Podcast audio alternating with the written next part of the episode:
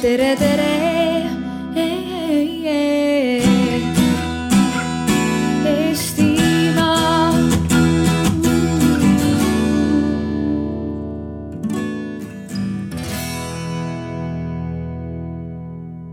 Hello and welcome to our discussion uh, called Minayan jään, es palieku, Ashlieko. Uh, these are the Estonian, Latvian, and Lithuanian version of the phrase I stay. And as the phrase already suggests, we will discuss upon the challenge of the three Baltic states of attracting the young people either to stay in their home country or to return to their home country at one point. And I'm happy to have five experts of that field um, with me on the panel today. But before I introduce them, I would like to ask you a question. Uh, how many of you know someone who has left their home country uh, and lives abroad or has lived abroad for a while? Just raise your hand. How many of you live abroad or have lived abroad? Okay, thank you. Uh, I will come back to this a bit later on, but uh, now I will let everybody introduce themselves and also uh, give their experience with the topic. And I will start with myself just to give an example. My name is Annaliisa. Um, I have lived abroad for approximately four years. I recently returned and work in the Estonian public sector right now. And half of my relatives live abroad long term. Most of them are young people who have left um, a few years ago. Half of my friends live abroad. Um, and all of them are from very different fields, um, from simple workers to high ranking positions. So it's a re- really wide range of people we are talking about here. But please, um, an introduction. Kalle.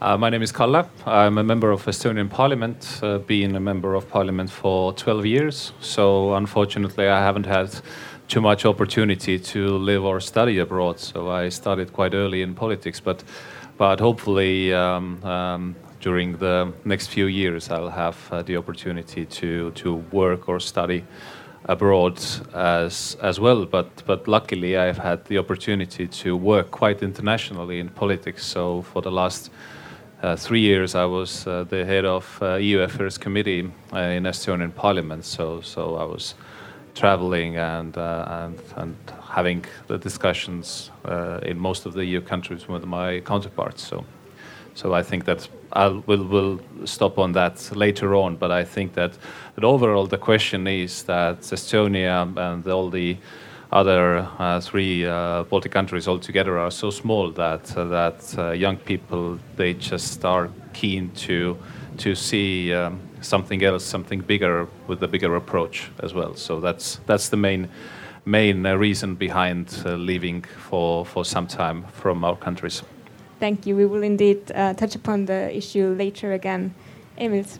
Yeah, hi, my name is Emil. Uh, I'm uh, spending my everyday life working in a youth center in the city of Ventspils on the coast uh, of Latvia. And um, but uh, at my free time, I'm also the national, uh, the president of the National Youth Council of Latvia.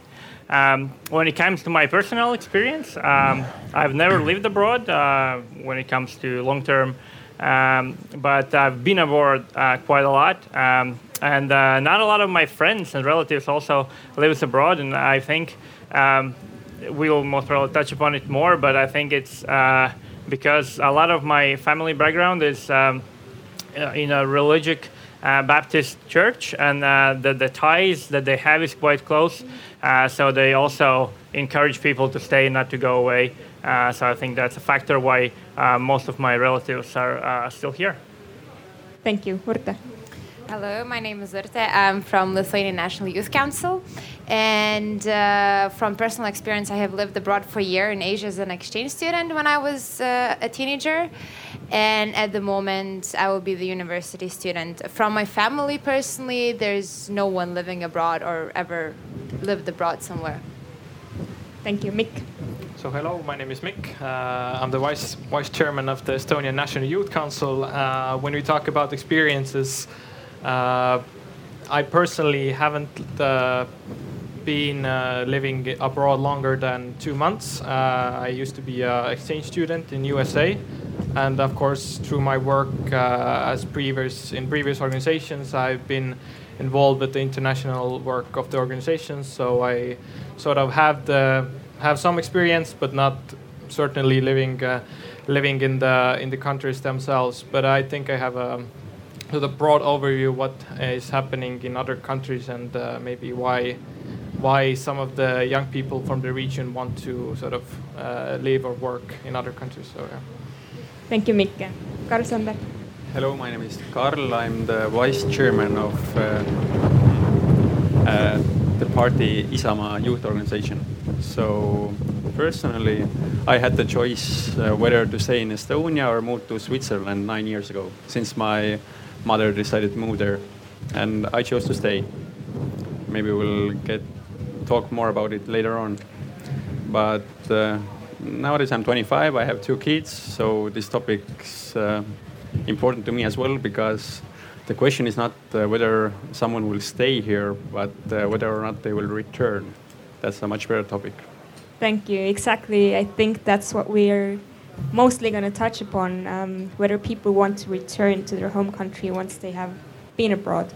Um, if you read the introduction to this debate, maybe on Facebook, it referred to an article on Politico where the article referred to Latvia as a dying nation because of a demographic um, crisis, which um, mostly or to a large part is also due to the fact that a lot of young people have left the country, especially after Latvia entered the EU and especially um, after the borders opened up and uh, young people could seize the opportunities not only in their own country but also abroad. So, is it really an issue that people leave their home countries, or is there really a problem that we're talking about here? And um, do the countries themselves or the governments themselves already offer an, a good alternative for the young people to either stay in their country or to return to their country? What do you think? Let's start from Latvia because I referred to it already. Yeah, um, of course. I think we need to uh, uh, uh, uh, make a difference between uh, two things. One is when you go away from somewhere, and one is when you go somewhere. And I think that's a very big difference between, um, as you said, a lot of people went away uh, when we entered EU because uh, of bigger salaries or because of better living standards. Uh, and then it's not a problem that they're going somewhere, they just were looking for a place away from where they lived. Um, and uh, when it comes to the, the governments and the municipalities uh, working with these problems, I think it's all about prevention. Uh, and municipalities and the state should really work before they go away into showing them that uh, Baltic countries are a place to live, that the countries have potential, that you can uh, have the lifestyle and the opportunities that you can also have uh, in the so-called developed countries of, of uh, West Europe. And uh, it's all about really showing uh, the young people that they have perspective here and they don't have to go away in order to um, to have their dreams come true.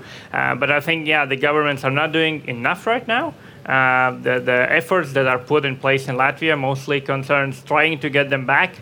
But a lot of times when you lived abroad for five, ten years already, uh, it's not really easy for you to move back and, and you don't even really want to come back because you've lost the sense of, of uh, belonging to the country that you originated from. Thank you. And even though I referred to the article touching upon Latvia, um, many analysis and statistics show a similar trend also in Estonia and Lithuania. So, do you think it's a problem in Lithuania?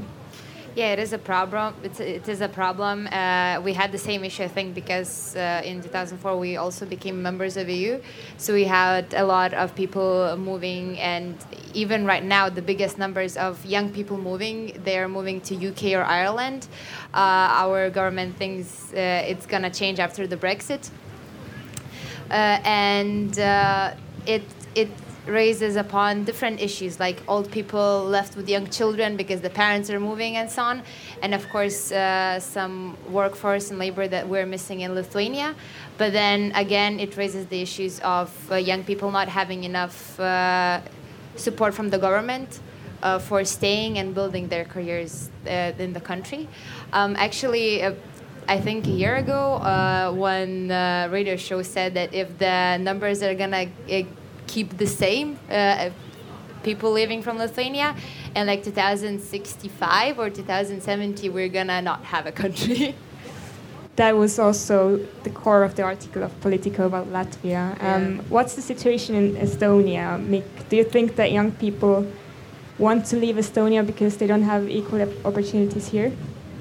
Yeah, I mean, uh, for us, it's uh, mostly similar. Uh, not, I don't know the exact statistics, but uh, I would say that a lot of my friends have either uh, went to Finland or, or Sweden to work. So mostly, I would say that uh, some of our are still working, but they would rather come back also. So, but of course, you can see the trend. If you're going with the family, then there's the more bigger probability that they will sort of stay there for a longer time and uh, engage with their new country. But otherwise, I want to sort of touch upon what Emil said is that uh, maybe the local, uh, the going uh, from to another country starts from the local local level. Uh, so this can trend can also be seen as, for example, young people from South, South Estonia going to Tallinn or Tartu, the bigger cities. Uh, I would say that this trend is sort of also uh, going up to the other countries. So young people also want to go either Finland or uh, Sweden or UK. So maybe creating this good environment on the spot or creating a connection connection uh, on the local level would help uh, either uh, if, if young people still want to sort of live in the countries but they still have some connections to come back even uh, even uh, later. So having this concrete um, sort of yeah connection uh, in the countries would help maybe to sort of solve this problem also if we want to sort of tackle the outflow of brains uh, from uh, Baltic states. So I would say that yeah, uh, s- there's similar marks marks like Lithuania and Latvia, but uh, I would say that yeah, it's uh, hopefully it's getting better. Thank you. And what about the political level? Does the government, let's say for Estonia, do enough to keep the youngsters already home and provide them a good basis to come back? Uh, first of all, I think that uh, joining EU was a good decision, and um, I would say that this was all we ever wanted, so, so that young people, everybody could uh, live and work abroad if they if they if they wanted. So if it comes to demographics, I think that we are doing bad, even if all the young people would stay here in Estonia or in Latvia or in Lithuania. So, so as the um, uh, birth, uh, let's say, birth rate is uh, is is has been negative for, for so many years. The let's say demographic hole is uh, is is coming anyway, and then if we don't do anything in our our uh, employment market and then in, in terms of that regulations, so we have, I think in 2040 we have uh, 100,000 workers less than we have at the moment, and and and this is a huge problem because for example, only let's take uh, the income tax. We would have to raise the income tax uh, two times if we would like to keep the social welfare level uh, where it is at uh, at the moment. So, so it's in terms of demographics, uh, it's it's bad anyway, and then we'll have to figure out the solution. But in terms of uh, talent hunt and people going somewhere for some years or for longer time, I think this is the opportunity that uh, that maybe we must even enable more that young people can go and come back uh, with uh, let's say uh, more experiences because if we ev- even the debate uh, in a way that uh, some political parties in Estonia they would like to have it is that what kind of measures we should have to keep people here in Estonia. I think 1.3 million people is is quite a small number uh, in terms of having, let's say, experience. So so I would say that uh, go, but but come back. But even more important is that uh, how do we get uh, people from other countries, not only from EU but from third states as well, to come and to live and to pay taxes in Estonia because the biggest challenge of all the countries in EU nowadays is that how to attract people to pay for the welfare of our people here in our country. So, so I think that this is an even bigger challenge than just to keep these few hundred people here uh, or not. Thank you. You talked about encouraging people to um, go abroad, uh, get experience, and learn more than they could in their home country. But there is also a fine line um, once they are returning, uh, whether they are preferred then on the labor market or the ones who stayed, and where is the line? What the employer should decide. Um, if I haven't been abroad and no one wants me on the labor market, should I then leave my country because I'm not wanted anymore? Where is the line, and um, how do you see it, uh, Karl? And just uh, go back to the previous question as well. It all always depends where you set the starting point. If you take the the time from since independence, then we have a quarter of a million less people in Estonia right now. Okay, but if we take the last three years, then then net migration has been positive, which means that people are actually want, wanting to come and work here, which isn't a bad sign. And also, there's hope in a sense that uh, during the last economic crisis. Uh, uh, there was a fear that uh, all the young people will leave Estonia to find a way to uh, manage their daily lives.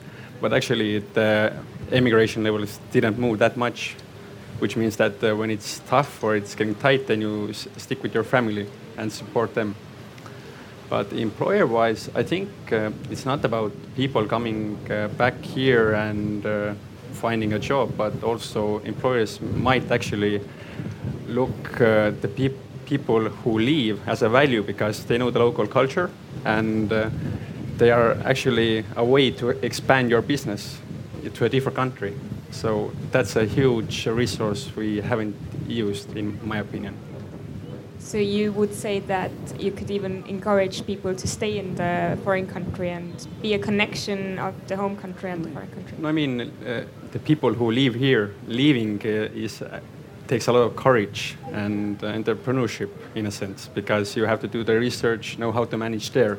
So you have that uh, spirit to act, which uh, that can be put into use for a good business. Okay.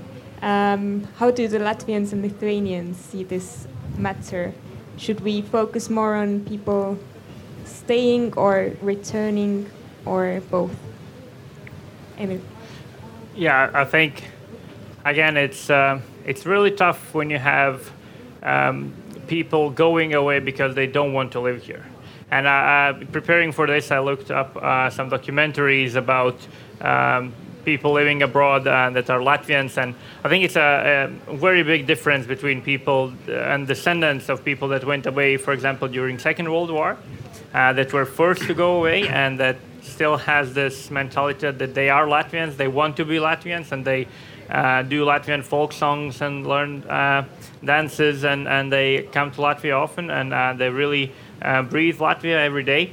Uh, and then you have people that went away now that don't want to associate with them, that don't want to hear about Latvia. That, um, and then it's uh, it's really hard to get them back already when they're there, when they're said that I don't want to live here, and and uh, I think it's it's a, a, tough job with them. And then of course we have to focus on those ones that go to really to study, to have some experience, to um, to learn something and and uh, and already interest them before they go uh, to kind of understand what are they going to get there and how are they going to use it when they come back. And i think that's a, a very uh, we can do it politically uh, with different initiatives that, that we can uh, offer young people that prior to, to them going away already uh, give them some opportunities to come back.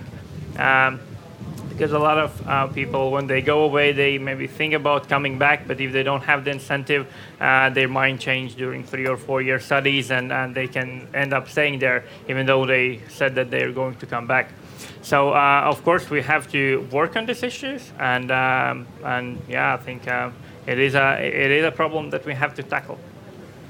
Thank you. Um, I think in Lithuania right now in 2017, we had around 10,000 people who came back. Uh, different reasons why. Um, and our uh, government is focusing a lot, I think, right now, having all the initiatives and programs where they are um, inviting all the experts and people who are studying or even already working to come back to Lithuania and have like practice or internships or uh, uh, bring different value back home and that's a nice gesture i should say. But then again there comes a question of how much we should invest to those people who are already living somewhere having families and like working there or should we focus on the young people who are not able to to have jobs and and then maybe they will dream about leaving you know while they're still like studying or, or, or learning in, in lithuania. So yeah. So about the programs from the government side we have and we have quite a lot of them. And most of them are focused on the young people who are not as stable with their lives as the ones who left uh, in the second world war or before the first one. Thank you Another issue is, of course, the reason why people leave in the first place, but we will come back to this uh, after Gala. Uh, I, I, just wanted to comment and maybe um, make an introductory word for the for the next next topic. I don't know what you have there, but but basically I mentioned talent hunt before. So so many countries uh, already now, New Zealand, Singapore, they have figured out that uh, that most of the countries are running out of uh, skilled labor and uh, and in terms of uh, the development of uh, technology, every job in high tech sector creates five additional jobs in other sectors. So basically, we are we are lacking of uh, any kind of labor in all the countries. And to get people to the country, we need the overall good environment so that people really want to live there. The environment issue, as such, as the, as the nature, this is one thing, but but all the other, I mean, the overall openness. Um, uh, to get uh, international, let's say, services or, or, services in international languages. So if we if we take education, for example, so people who have moved abroad, um, uh, they they have created their families there. Probably they are international. So if they want to come back to Estonia, Latvia, or Lithuania, do we have enough international schools, kindergartens with a with a good level of education? So in Estonia we have only few uh, with uh, with quite high, let's say, price tag in it. So it's, I mean, some somewhere around 20,000 in one school per one year to have international education and uh, and and bit less on the other school. But but basically, I think that next to providing services to to our own people, like like we uh, like we call uh, let's say the Estonians uh, we should provide people to our own people who are Europeans. So, so we are we are Europeans, and then uh, there is no question about that. So, so I think next to Estonian schools, next to Latvian schools, we should have schools that provide education in English, and that's how we we have uh, and the people have more reason to to come back and to work in Estonia because they want to keep the same standards that they had in London, in Paris, or, or in uh, whatever countries. Thank you. You touch upon the environment of the home country and how to improve it for both uh, foreigners as well as uh, local people. Um, what are the reasons that right now people don't feel comfortable enough, um, be their family international or local, and they are leaving? We know that people are leaving for education, for a better job, but it doesn't end there. What do you think, Mikk? Yeah, I think uh, as Kalle mentioned, we have uh, of course a lack of uh, maybe international or or uh, like environment for for uh, either uh, foreigners to come here. plus, if they're integrated also with other countries, also English schools are maybe the issue, but also the culture of either it be discussion or or like tolerance at all. So if if you are uh, having a other other than lighter skin, uh, you could walk freely on the on the street without you being sort of uh, insulted. I think all of this culture needs also to be uh, sort of taken in in mind, uh, which is also a great factor when why some of the people either even for example Russian minorities why why they sort of go away and don't come back in Estonia is because maybe of the overall sense in the society that we're not wanted here. So maybe the general acceptance uh, from the um, uh, from the people and uh, maybe also public uh, authorities to have more sort of a environment, uh, not only like in terms of possibilities, but like the whole overall mindset is important. Thank you. What about Lithuania? Is there a problem that people don't feel comfortable enough? Uh, well, the problem is kind of the same in Estonia, but we don't have uh, such a big ethnic minorities. We have a lot of them, but they're pretty small ones. So we don't even, I think, run the statistics on how many of them leave, like to Poland or, or Russia or, or Latvia. Uh, but I think the main issue is that the one that we touched upon already, it's the money and the working force, because usually uh, people from uh, countryside, they don't see their future in the countryside where they live or they they don't find um, a work in the bigger cities, and then they usually migrate and then they go to UK or Ireland to just work. And then there are people from like Ukraine or other Eastern countries who come to Lithuania to do the same work. Thank you. And for Latvia, you already, Emil, uh, mentioned that many people don't want to come back or leave because not only because of money or education, but also because they don't feel um, well treated in their country. Um, but let's talk about um, practices already tried out or already existing. We heard about Lithuania having many different um, programs to get people back. Um, as far as I know, Latvia tried something out as well. It didn't really work out. I think the years were 2013 to 2016, and the EU even funded a program to bring the Latvian home. I don't know how it's called in Latvian itself. But why do you think it failed? Uh, I don't know which one specifically you mean, but there's been a, a different programs that've been tried out. Uh, we're trying out uh, coordinators in all the municipalities. That would be a kind of focal point if you want to come back, where you can go to. You can have some information about where to get a place to stay, where to get a job, where to have access to all the necessary um, things you need when you come back. Um, there has been one um, very, I would say, maybe well intended, but but it, it turned out to be very uh, bad initiative where the state offered uh, 10 young people from uh, that are uh, studying abroad. Um, I think it was a thousand euro salary uh, if they come back and work uh, for for the state.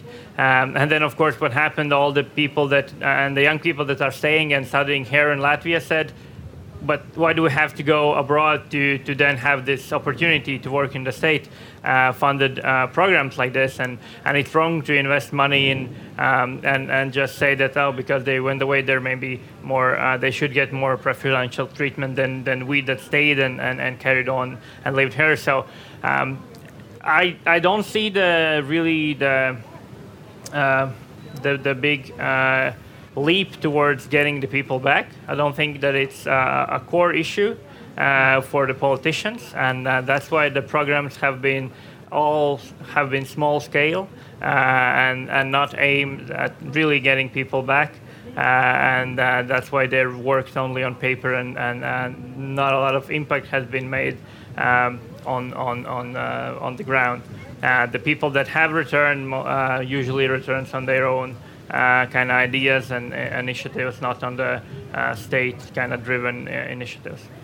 Thank you. And let's get to Estonia also for one moment. There was a program called Talendid Koju, uh, bring the, uh, the talents back home. Um, it started in 2010 and finished in 2012, if I remember correctly. Um, how would you assess its success? Who else, whoever wants to go first? It's not uh, success is a tough word. I think it was 27 people they brought back, but I think it's more about the signals in a sense that uh, it wasn't a huge project. Project there probably were mistakes not working with the integration agency, but the point is that uh, something was done. But the fact is that it's not a one solution issue; it's a complex topic. So, for example, if uh, uh people leaving from Estonia either do it because of new challenges in education or the salary, then salary wise, we don't have the possibility to compete with the West, which means that we have to create opportunities that other countries don't have, which uh, are e-government program or something else. And the pe- about li- people living here, that means uh, offering opportunities to them as well, because uh, if you go for an educational challenge, that's an asset. But uh, if you don't have the education, but you're just doing it for the high, higher sal salary, then there's not much you can do. Mikk. Yeah. So uh, as uh, Karl mentioned, that we got like 27 people back and working in Estonia with companies. regarding that, the project cost like 100,000 euros, plus it cut like I would say uh, engagement of uh, 1,000 people registering, young people getting the info, plus uh, connections between a lot of companies and young people, even if they weren't hired. I think such initiatives are sort of welcome. So all all that includes like service level learning, uh, international sort of connections, uh, connections with companies, uh, or even internships is like really welcomed. I would say that helped something. Uh, I would say that with that amount of money, uh, it was somewhat successful. Uh, of course, there's bigger projects that maybe have no sort of concrete impact. So I would say that there was some, and I would say that all of these initiatives are welcome again to have the connection within the young people and uh, entrepreneurs, which is really nice. Thank you, Kalle. Would you like to comment as well? I, I think the nowadays uh, version of, of that talent uh, to, to home that we have back 2010 when the overall situation, I mean, in terms of economy and, uh, and all that kind of things were quite bad. So it wasn't, uh, wasn't, let's say the timing wasn't the best. But currently, I think that if we change the, the program for uh, talents to Estonia, and uh, and not only Estonians but all the others as well. So so it would uh, work uh, so much better because whether we have 27 people or 2,070, uh, it's it's uh, anyway uh, too small number in terms of the needs we have in our labor market and in terms of the need for development for the country and the economy. So so I guess that.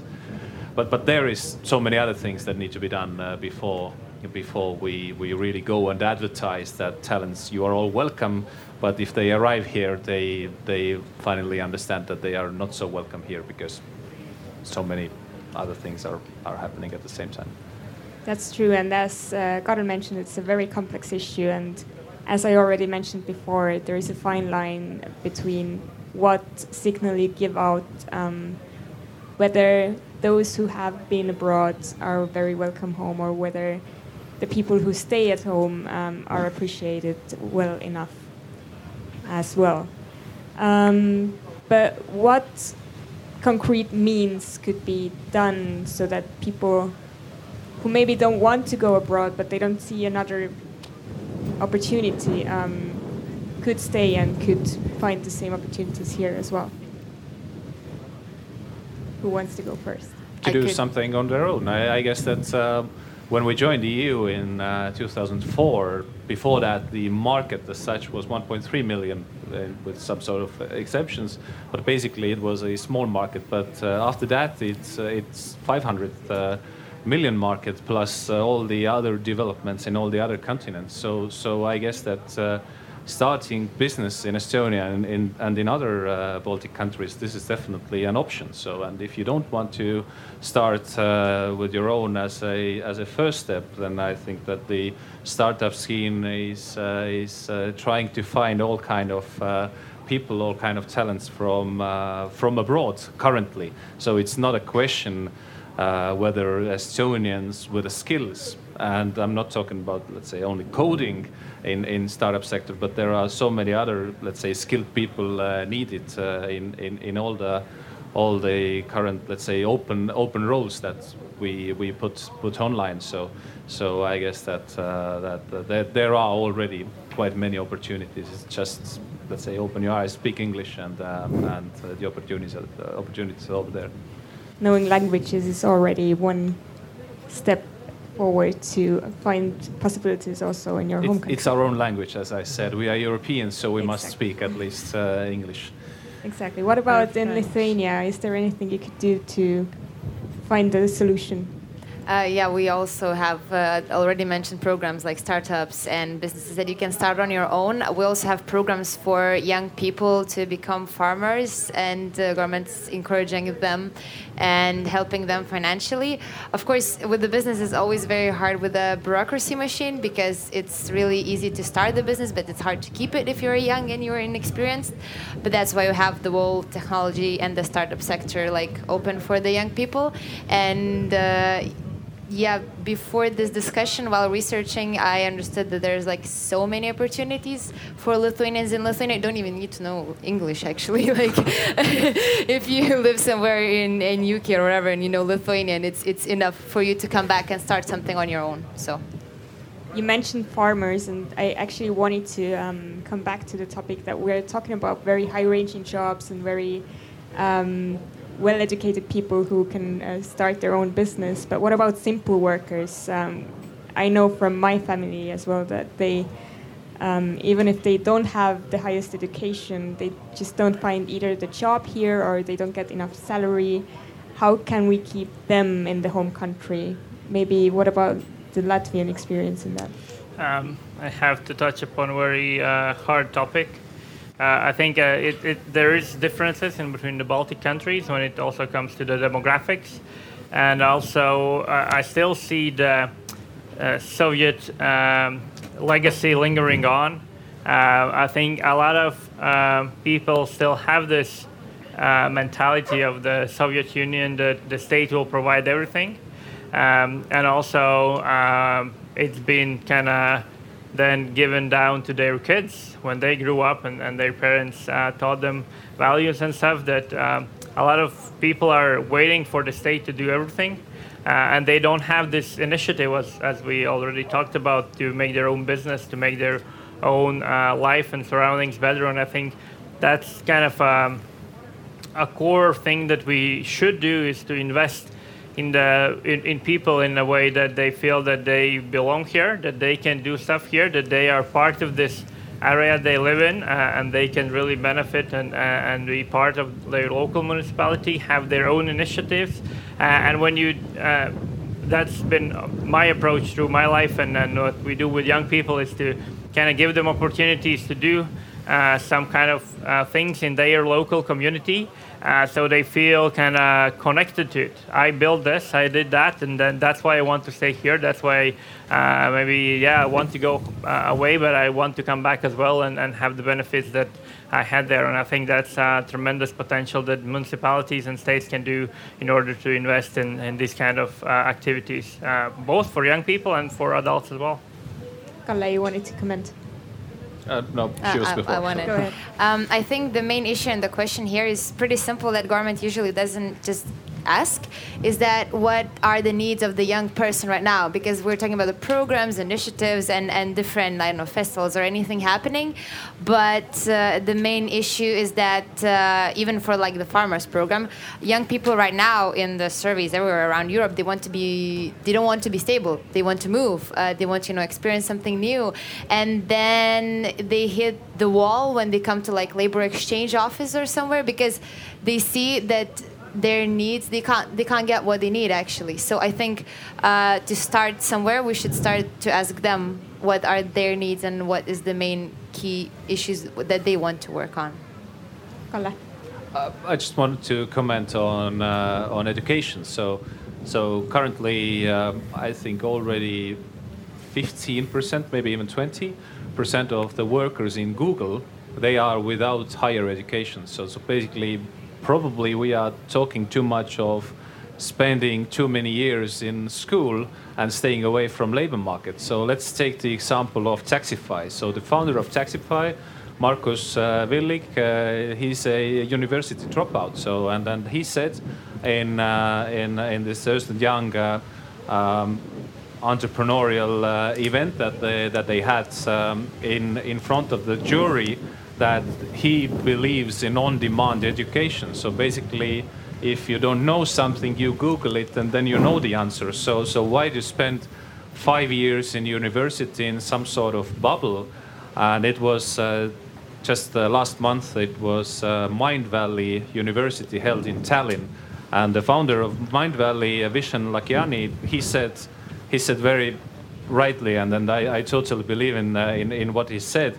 He said that in next five years, uh, the world will change as much it has changed during the last hundred years. So if we take the traditional approach to higher education, it means that we put uh, the next generation to university for 100 years.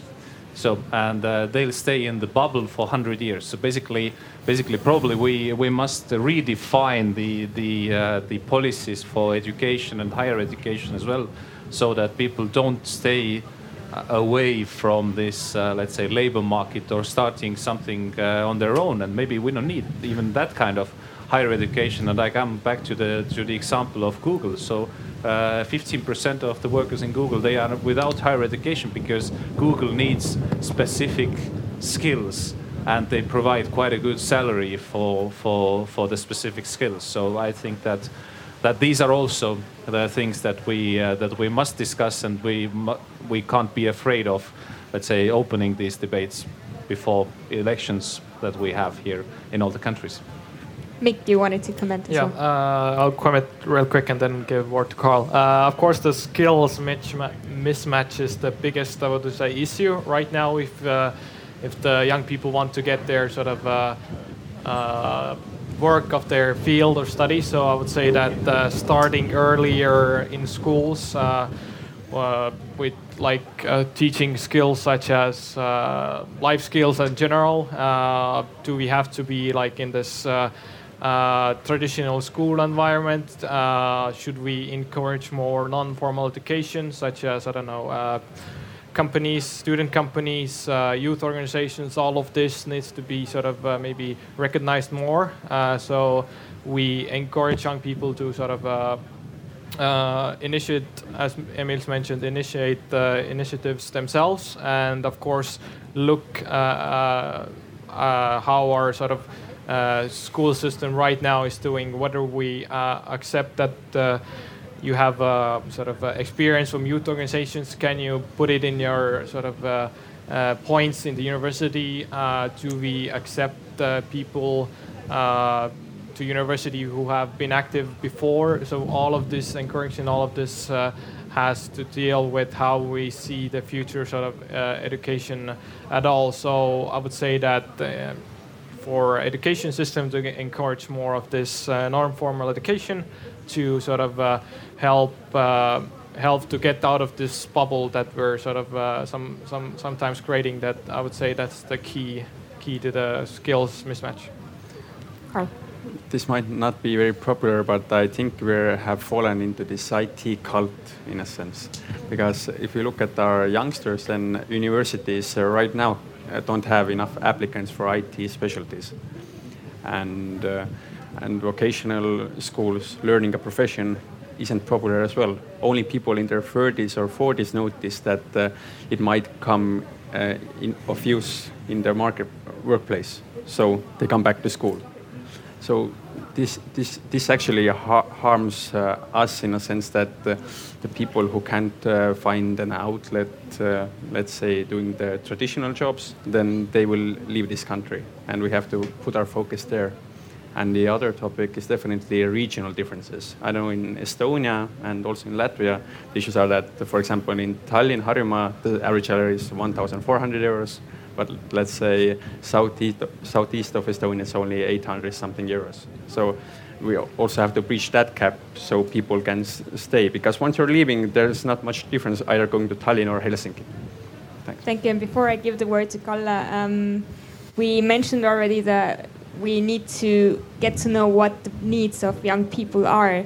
So I encourage all of the participants of this discussion, all the listeners, to prepare for their opinions and questions um, right away as well. Kalle, go ahead. Uh, just referring on what you said about traditional jobs and coming back what I said before, uh, one job in high-tech sector creates five additional jobs in other sectors. So it's uh, it's it's uh, it's a study by uh, Enrico uh, Moretti, who's the professor in in California Berkeley University. So he has written it in the book A New Geography of Jobs. So basically, there are a lot of traditional jobs that will stay for a long time, but we need more and more people to to do these uh, these jobs. So so basically, I would I would I would say that there is no reason for leaving, but there is uh, quite many reasons uh, to uh, redefine the openness. So we have the migration quota for foreign workers in Estonia, for example. And the quota was fulfilled already in the beginning of March. So basically, the annual quota is fulfilled in the beginning of March. Did something change? No. All these 10,000 workers work here in, uh, in the construction sector illegally now, uh, in terms of, let's say, some sort of uh, labor rental programs, but they don't pay any taxes to Estonian economy and so on and so on. So I guess that the overall idea is to uh, redefine the migration policy. I'm quite lucky that the uh, current government has uh, has continued with this startup visa program, that they have excluded uh, startup sectors and IT sectors from this migration quota. But uh, but basically, we have so much to do in terms of this competition for, for labor and for talents between all the all the country, countries and all the continents. Because if we don't redefine it, if we don't open open the market for more foreigners, then we'll uh, we'll lose the uh, the uh, competitiveness in uh, in in terms of economy and and the if I mentioned already the openness, I guess that uh, this year has been uh, exceptional because, especially in Estonia, but I think that the, the similar discussions are ongoing in Latvia and Lithuania as well. So uh, Estonia started with its uh, e-residency program, but what do we have if we talk about uh, in in public debate if we talk about the e-residency program? So the some of some kind of entrepreneurs they are blaming e-residents for for banks being too conservative. So basically, uh, basically they are saying that uh, e-residents who will probably uh, um, contribute uh, to uh, to our economy in the future quite quite a lot. They are not welcome. So we had uh, quite big plan by some entrepreneurs to build a a a a, a factory in term uh, to to add more value for the for for the timber. Uh, of course, maybe the technology was bad. Maybe the maybe the uh, the start of the debate was bad, but basically the government of Estonia and the municipality of Tartu said that uh, investments are not welcome to Estonia. And uh, third, if we talk about foreigners uh, uh, to uh, work here abroad or or people from from third countries, so we have the quota. So basically. Uh, the government and the let's say public has said that uh, that uh, that nothing is welcome. So I would ask that who is welcome? And why do these people who have left Estonia should come back here if if nobody is welcome? So, uh, or let's say investments, e-residents, foreigners. So it's it's all about the mentality. So so they left because they were welcomed there, and do they come back if they are not welcomed here? Mm -hmm. Thank you. You mentioned um, also the future nature of work as such.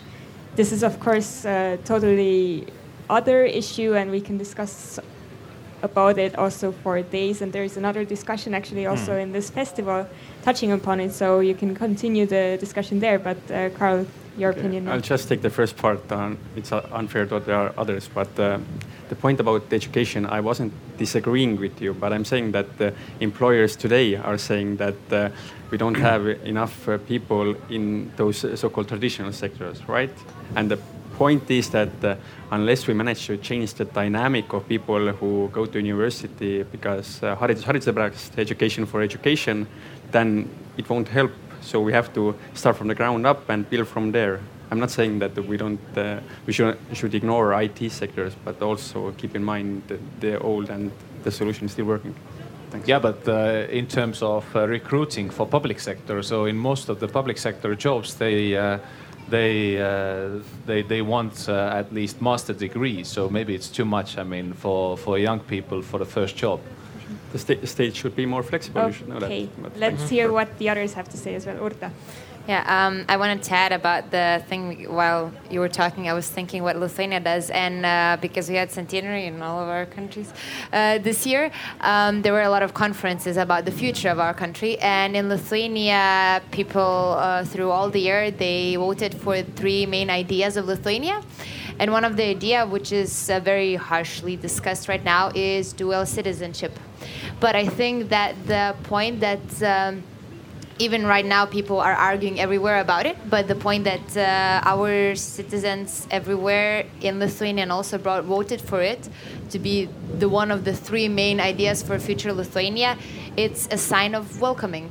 Welcoming those who, who, who left lithuania and welcoming of those who maybe want to go study and want to come back after.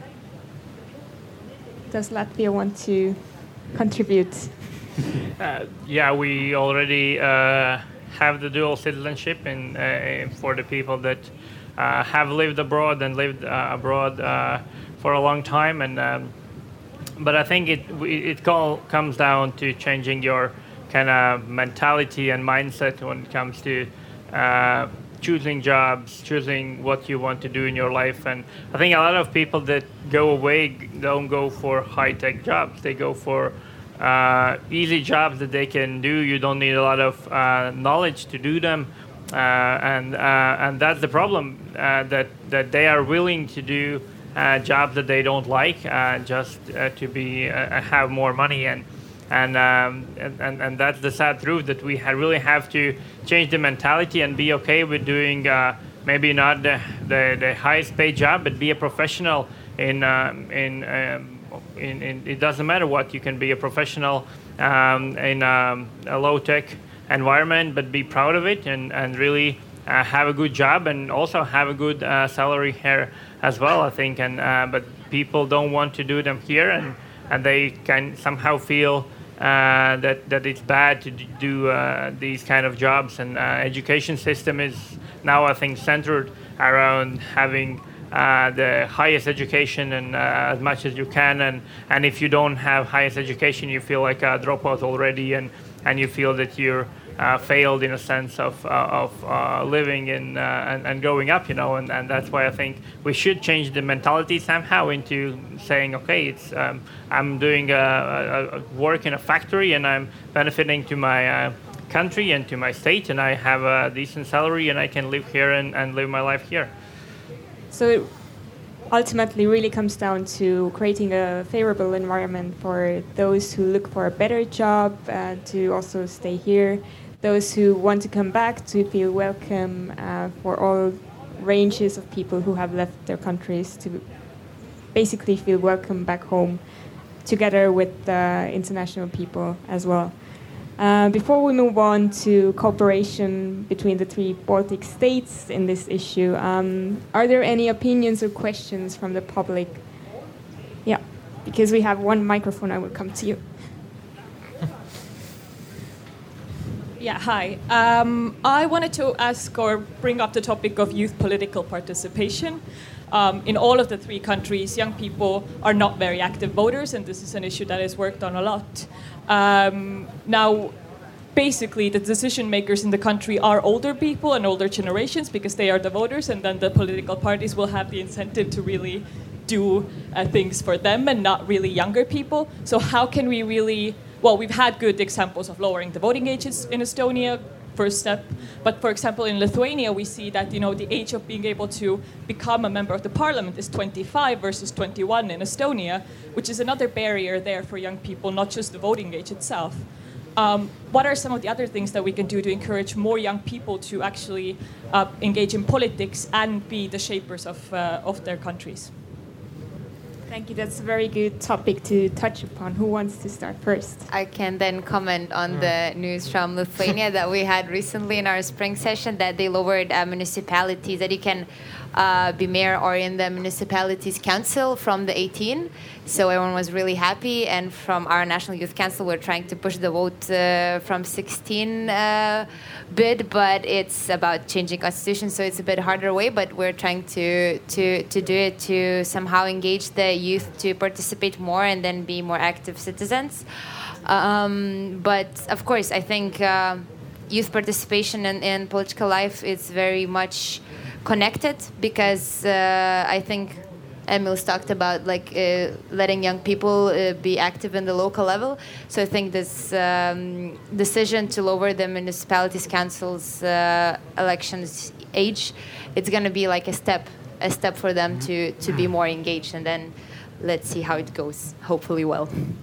What about the others? What are your ideas? Yeah, um, if I yeah something is already concretely brought out that lowering the voting age has sort of uh, also boosted the turnout. Uh, I would say that uh, the last election that we sort of monitored uh, did a, uh, research which said that 59% of the young people went to vote compared to 55 of the overall population. So I would say the in initiatives like that are helping to also um, boost the voters turnout, but also get the, or, or empower the connection with the, as mentioned before, uh, either with the state or the sort of local local government. So if uh, I would say a young person gets a good uh, participation experience from their local level, they're more likely to see that they can sort of uh, influence the um, decision making. They will probably go to vote, and they will probably I don't know either stay in Estonia or be a sort of a, um, have their own uh, resemblance with the part where they're from. So I would say that uh, uh, maybe better engagement from the decision makers, both on the local level and the national level. Uh, so I would say right now. Uh, this could be better. Uh, of course, for example, our umbrella organization or us are engaged in, in for example, mostly in education, educational ministry but also other ministries such as I don't know the Minister of Environment should also uh, include also more young people uh, or youth organizations that are engaged with this topic, so they would uh, feel the connection that the policies are made together with them. Uh, would uh, uh, focus the board on future policy since we're living here hopefully in the future, and all creating this environment for young people gets the gets them the connection of uh, participation and of, of course also the campaigns. So uh, also providing support for civil society, be it youth organizations, helps to sort of also uh, gather more young people uh, and uh, help them organize and uh, get their voices heard. So civil society has a big factor here too. So for government to support them. Thank you. Emīls, do you have anything yeah, to I, I totally agree. I think uh, political participation is strongly linked to participation in general.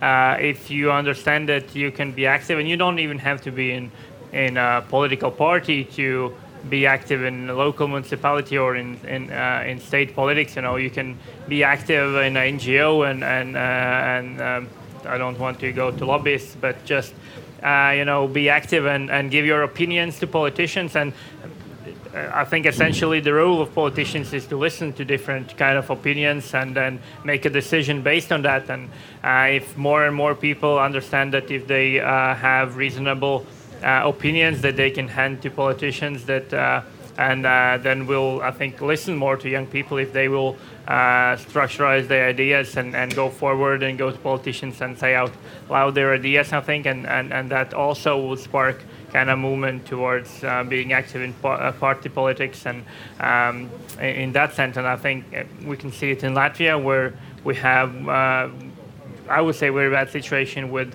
uh, youth organizations in general.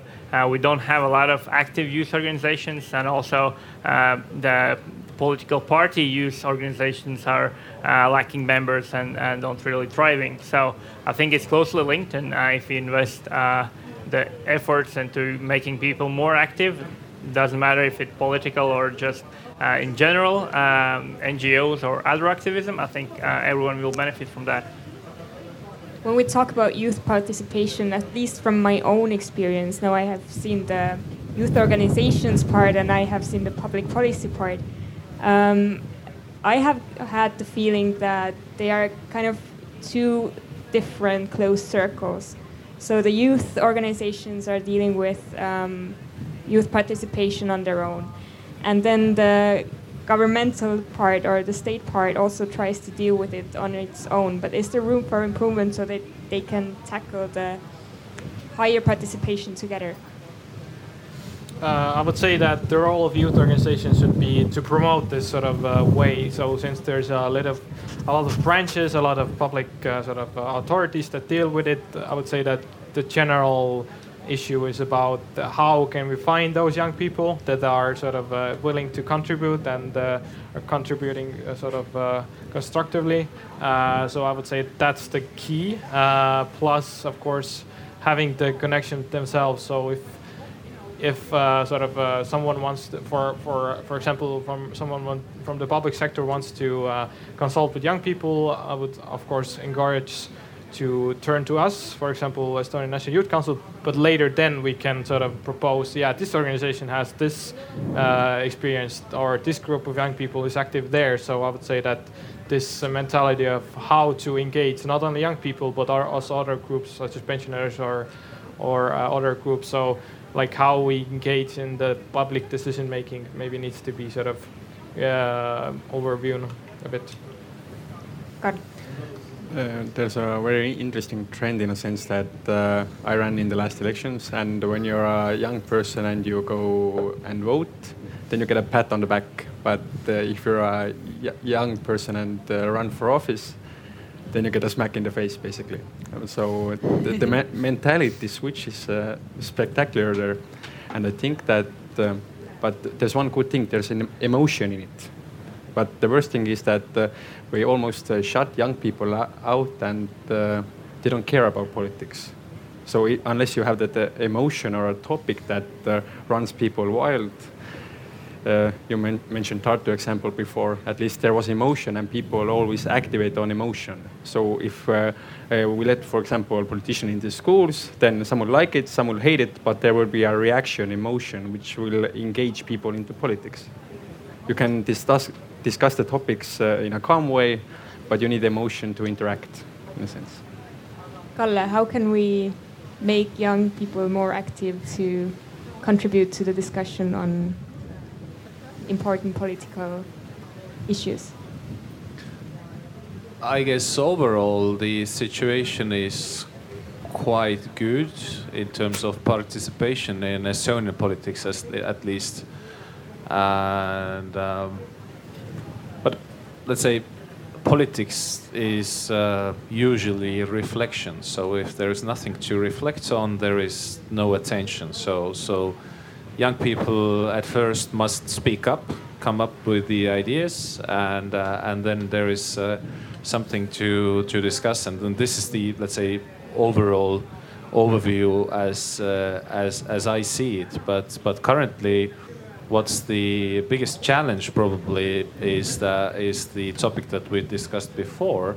So are they welcomed to politics by their let's say older colleagues. So usually these guys who've been uh, in politics for the lifetime. So I think 3,000 euros or two or something that they'll get uh, as a salary from the parliament. So this is good enough. So uh, so why to uh, why why to change it for for something other? And and, and that's why.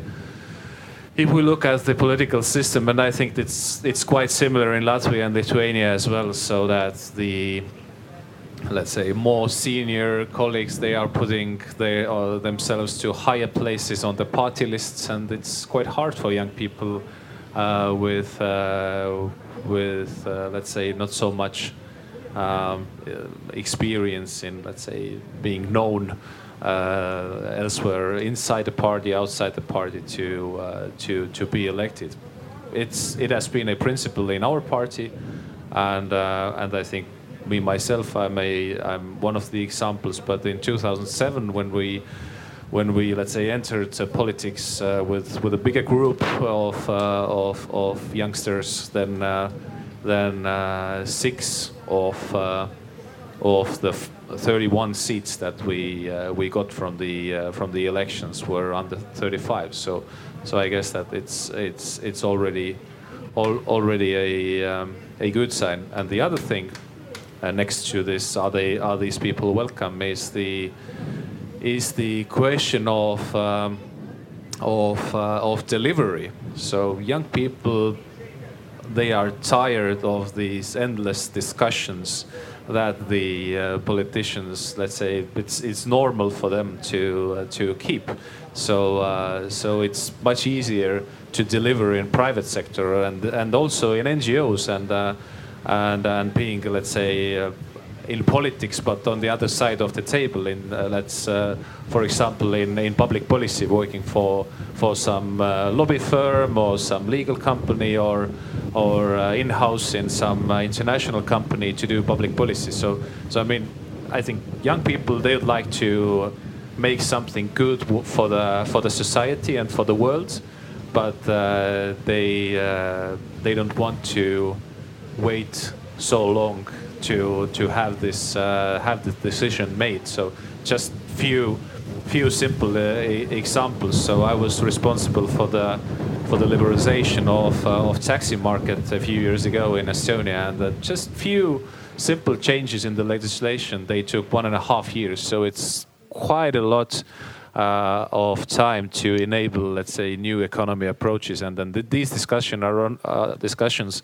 and the similar discussions are ongoing in other countries as well. So, so decisions and the process it takes too long, and the reason is not bureaucracy, but the reason is probably understanding and being on the same page. So I, I think that the whole between understanding of the of the current political elite and the younger generation. This is this is so big already that that we must we must uh, change or redefine something because because if we had challenge uh, in Estonian parliament so that they would understand what the platforms are, what Taxify is, what Uber is, what Airbnb does, and how the business model works.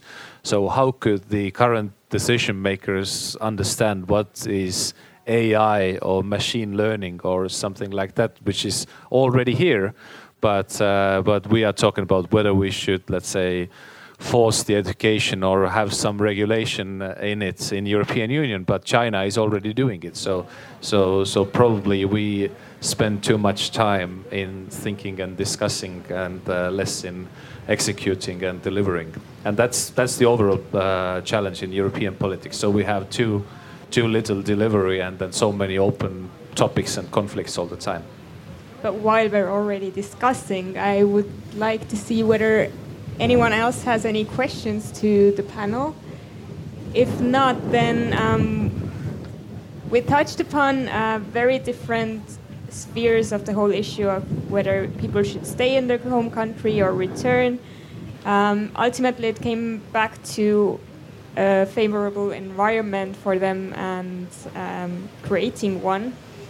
Uh, in creating one, should the Baltic countries um, develop cooperation or a common system for encouraging young people to come back and stay, or should they tackle it on their own? Mikk.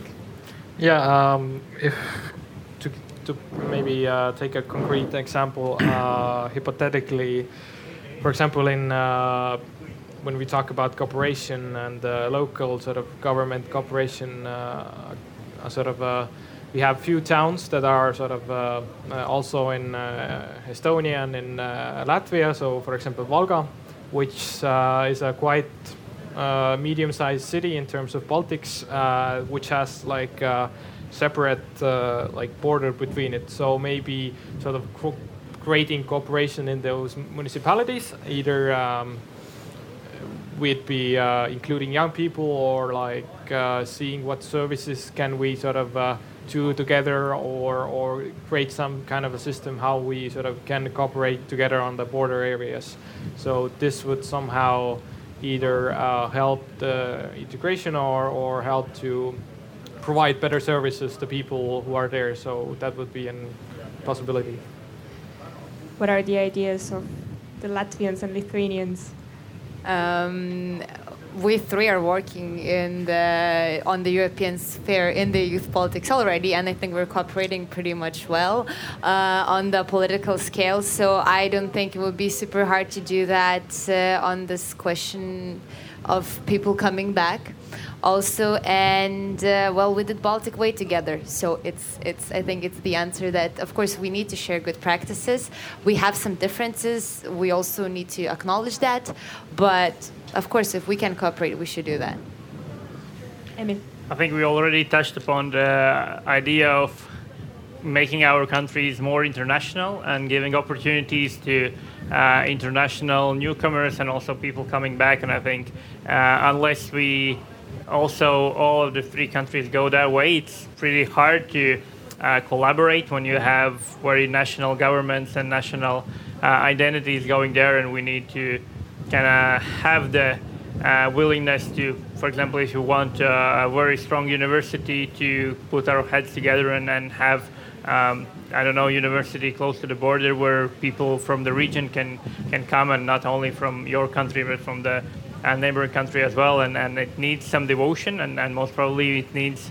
Uh, we need to kind of give away a bit of our nationalism in that sense to kind of cooperate, uh, and only then we can really cooperate. Because unless, and I think the the whole debate and why we are having this debate is because the, the Baltic states are small countries, and we are afraid of losing our identities and our uh, individual traits that we have and and have tried to fight for them so long. And now in the global world, it's uh, so much about international. Uh, things that, that we don't want to lose it, and then it's a very fine balance between losing your identity and co- cooperating into uh, getting something better with the cooperation there. What about the political level? Is there a political will or a potential to create a common strategy for the three Baltic states to tackle the issue? Who wants to go first? I'm probably unpopular here, but I guess that uh, uh, having the strategy for three Baltic states only is uh, is, is not enough. I, so I think that we'll need to have this new Nordic approach for for attracting talents. So so because we are so small, even all together, we are we are we are too small for having a uh, a let's say good attraction. we have uh, sorry we have baltic sea region we can cooperate on that one uh, whatever. Bigger so I, I think we have so many cooperation formats, but uh, we should exclude some and and, and make uh, make the uh, joint ventures in, in in others. But but basically, you're right. So so um, I think the will is there. The infrastructure is already there because uh, because we are in EU, we are Europeans. We have the let's say so many common strategies, same markets, free movement of people, capital, all that kind of stuff. So we need just the will to to cooperate and more people like you to to politics who see that uh, that the current demographics are doing quite bad and if we uh, don't start to think cross border uh, then uh, then uh, then we are lost and then we are lost uh, not only for the other European countries but also for for other continents uh, who are currently attracting talents from EU as well. And then the EU will be some sort of rich, um, rich region for, for, for elderly people in the future because all the tech and all the innovation is, is in Asia, is in, uh, in South Korea or in Singapore. Carl, do you agree with the, these thoughts? Basically, but there are, one is the question that uh, depends on the cooperation. If you think uh, inside the EU, bringing uh, talents from outside of the EU, then I think everyone shall agree that it's a wonderful idea. But uh, inside the EU, between, between countries, let's say that uh, uh, there will be friction definitely on the sectors and all, all that. And also, let's not forget the fact with, if you talk about a nation lasting, then we're all still language-based regions and culture-based. So if, uh, no offense, if I have, have to choose either the sa- exact, exact sa- same skill set and either uh, Lithuanian or Estonian, then I would prefer the Estonian because uh, he or she is coming back home, right? So there are obstacles, but in a sense of making the mo- making more noise, making yourself heard, it would work definitely. What about the exchange of know-how? So Lithuania, for instance, has a long-lasting program, or even more that are functioning are, and as you said, they are pretty successful. Would this help tackle the issue, even if uh, not only on a Baltic level, but um, on a more broader level? Should we exchange know-how more, or should we uh, join forces for tackling the demography issue? Yeah, I would say that uh, networks, either it be between countries, such as I don't know the Nordic Council, including uh, the Baltics there, um, NGO networks, uh, companies networks are also enabling to do this. So uh, maybe to um, sort of uh, uh, redefine resources or get connections. I would say that that would be the key.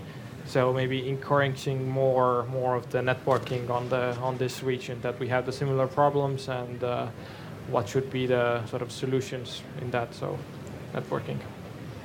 Any other thoughts on this? If not, um, unless there are any questions from the audience, I would um, challenge all of you to give one thought what you on your level could do to improve the situation that people not only those who leave but also those who stay young people would feel welcome in their environment in their home country let's start from Karl. So I'll take the micro level in a sense that since my mother is still living in Switzerland, then the first step would be to bring her back, right? But uh, there's one experience where she tried to and uh, she wouldn't get an interview because they thought her salary expectations would be too high. So that's an issue we can deal on. Uh, not say it's not a policy level, but in a sort of communi communicating that uh, let's hear people out and then decide if their salary is too high or not. Mikk. Yeah, I would say that uh, on our scale, uh, of course, uh, promoting the government to sort of implement this more of a service-based learning and uh, and non-formal education, so uh, that young people are doing what they want to do, have and uh, uh, would like to sort of do what they want, and enjoy doing it. So all of all of these systems that help to uh, develop new skills, networks, all of this is important that we are also striving and uh, advocating for. Uh, so creating the environment for young people to participate and of course also the networking uh, between uh, either it be organizations or engaging uh, sort of governmental cooperation on this issue of region-based and Uh, region-based problems is also sort of a key issue that we want to sort of advocate for. Thank you. I think our mission Youth Politics is also always like advocating and raising the youth voice. Uh, that's what we do. Uh, but personally, because I work with the international relations, for me, um, the main job is to provide information for our member organizations to to have an idea that they can work internationally, but also work in their country. They can uh, build different programs with different organizations, either from Baltic states or either from uh, different countries around uh, European uh, Union, and that way they would learn and uh, know more about others and then stay or, or go to learn somewhere else and then come back. Thank you. Emil? Um, I'm a big fan of vocational education, and uh, one thing I really lobby for is to get more young people into vocational education.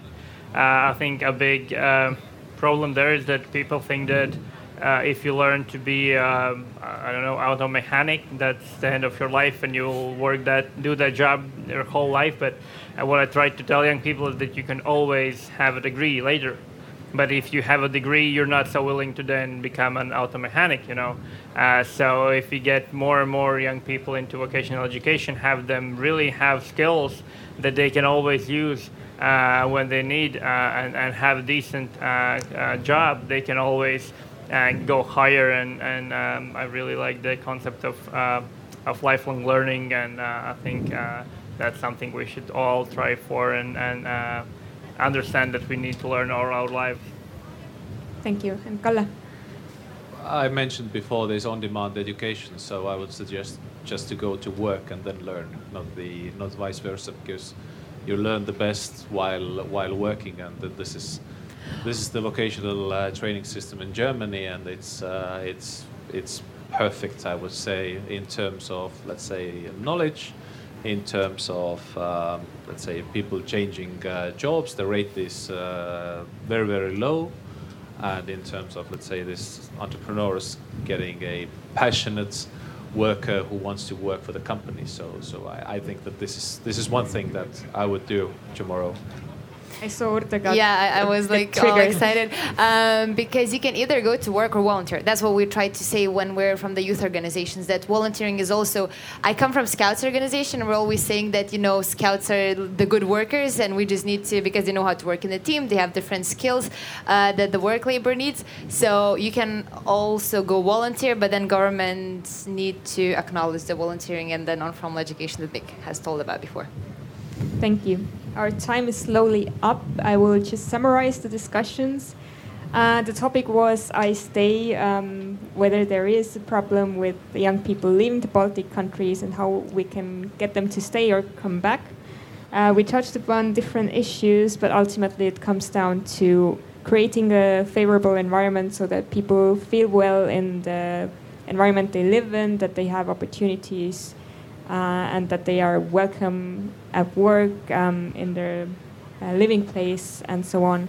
And that it's not only a Baltic issue, but a much broader issue where we could join forces and learn from each other um, globally. So thank you for the discussion. I hope you enjoyed it, and I hope you enjoy the rest of the festival. Thank you. Thank you.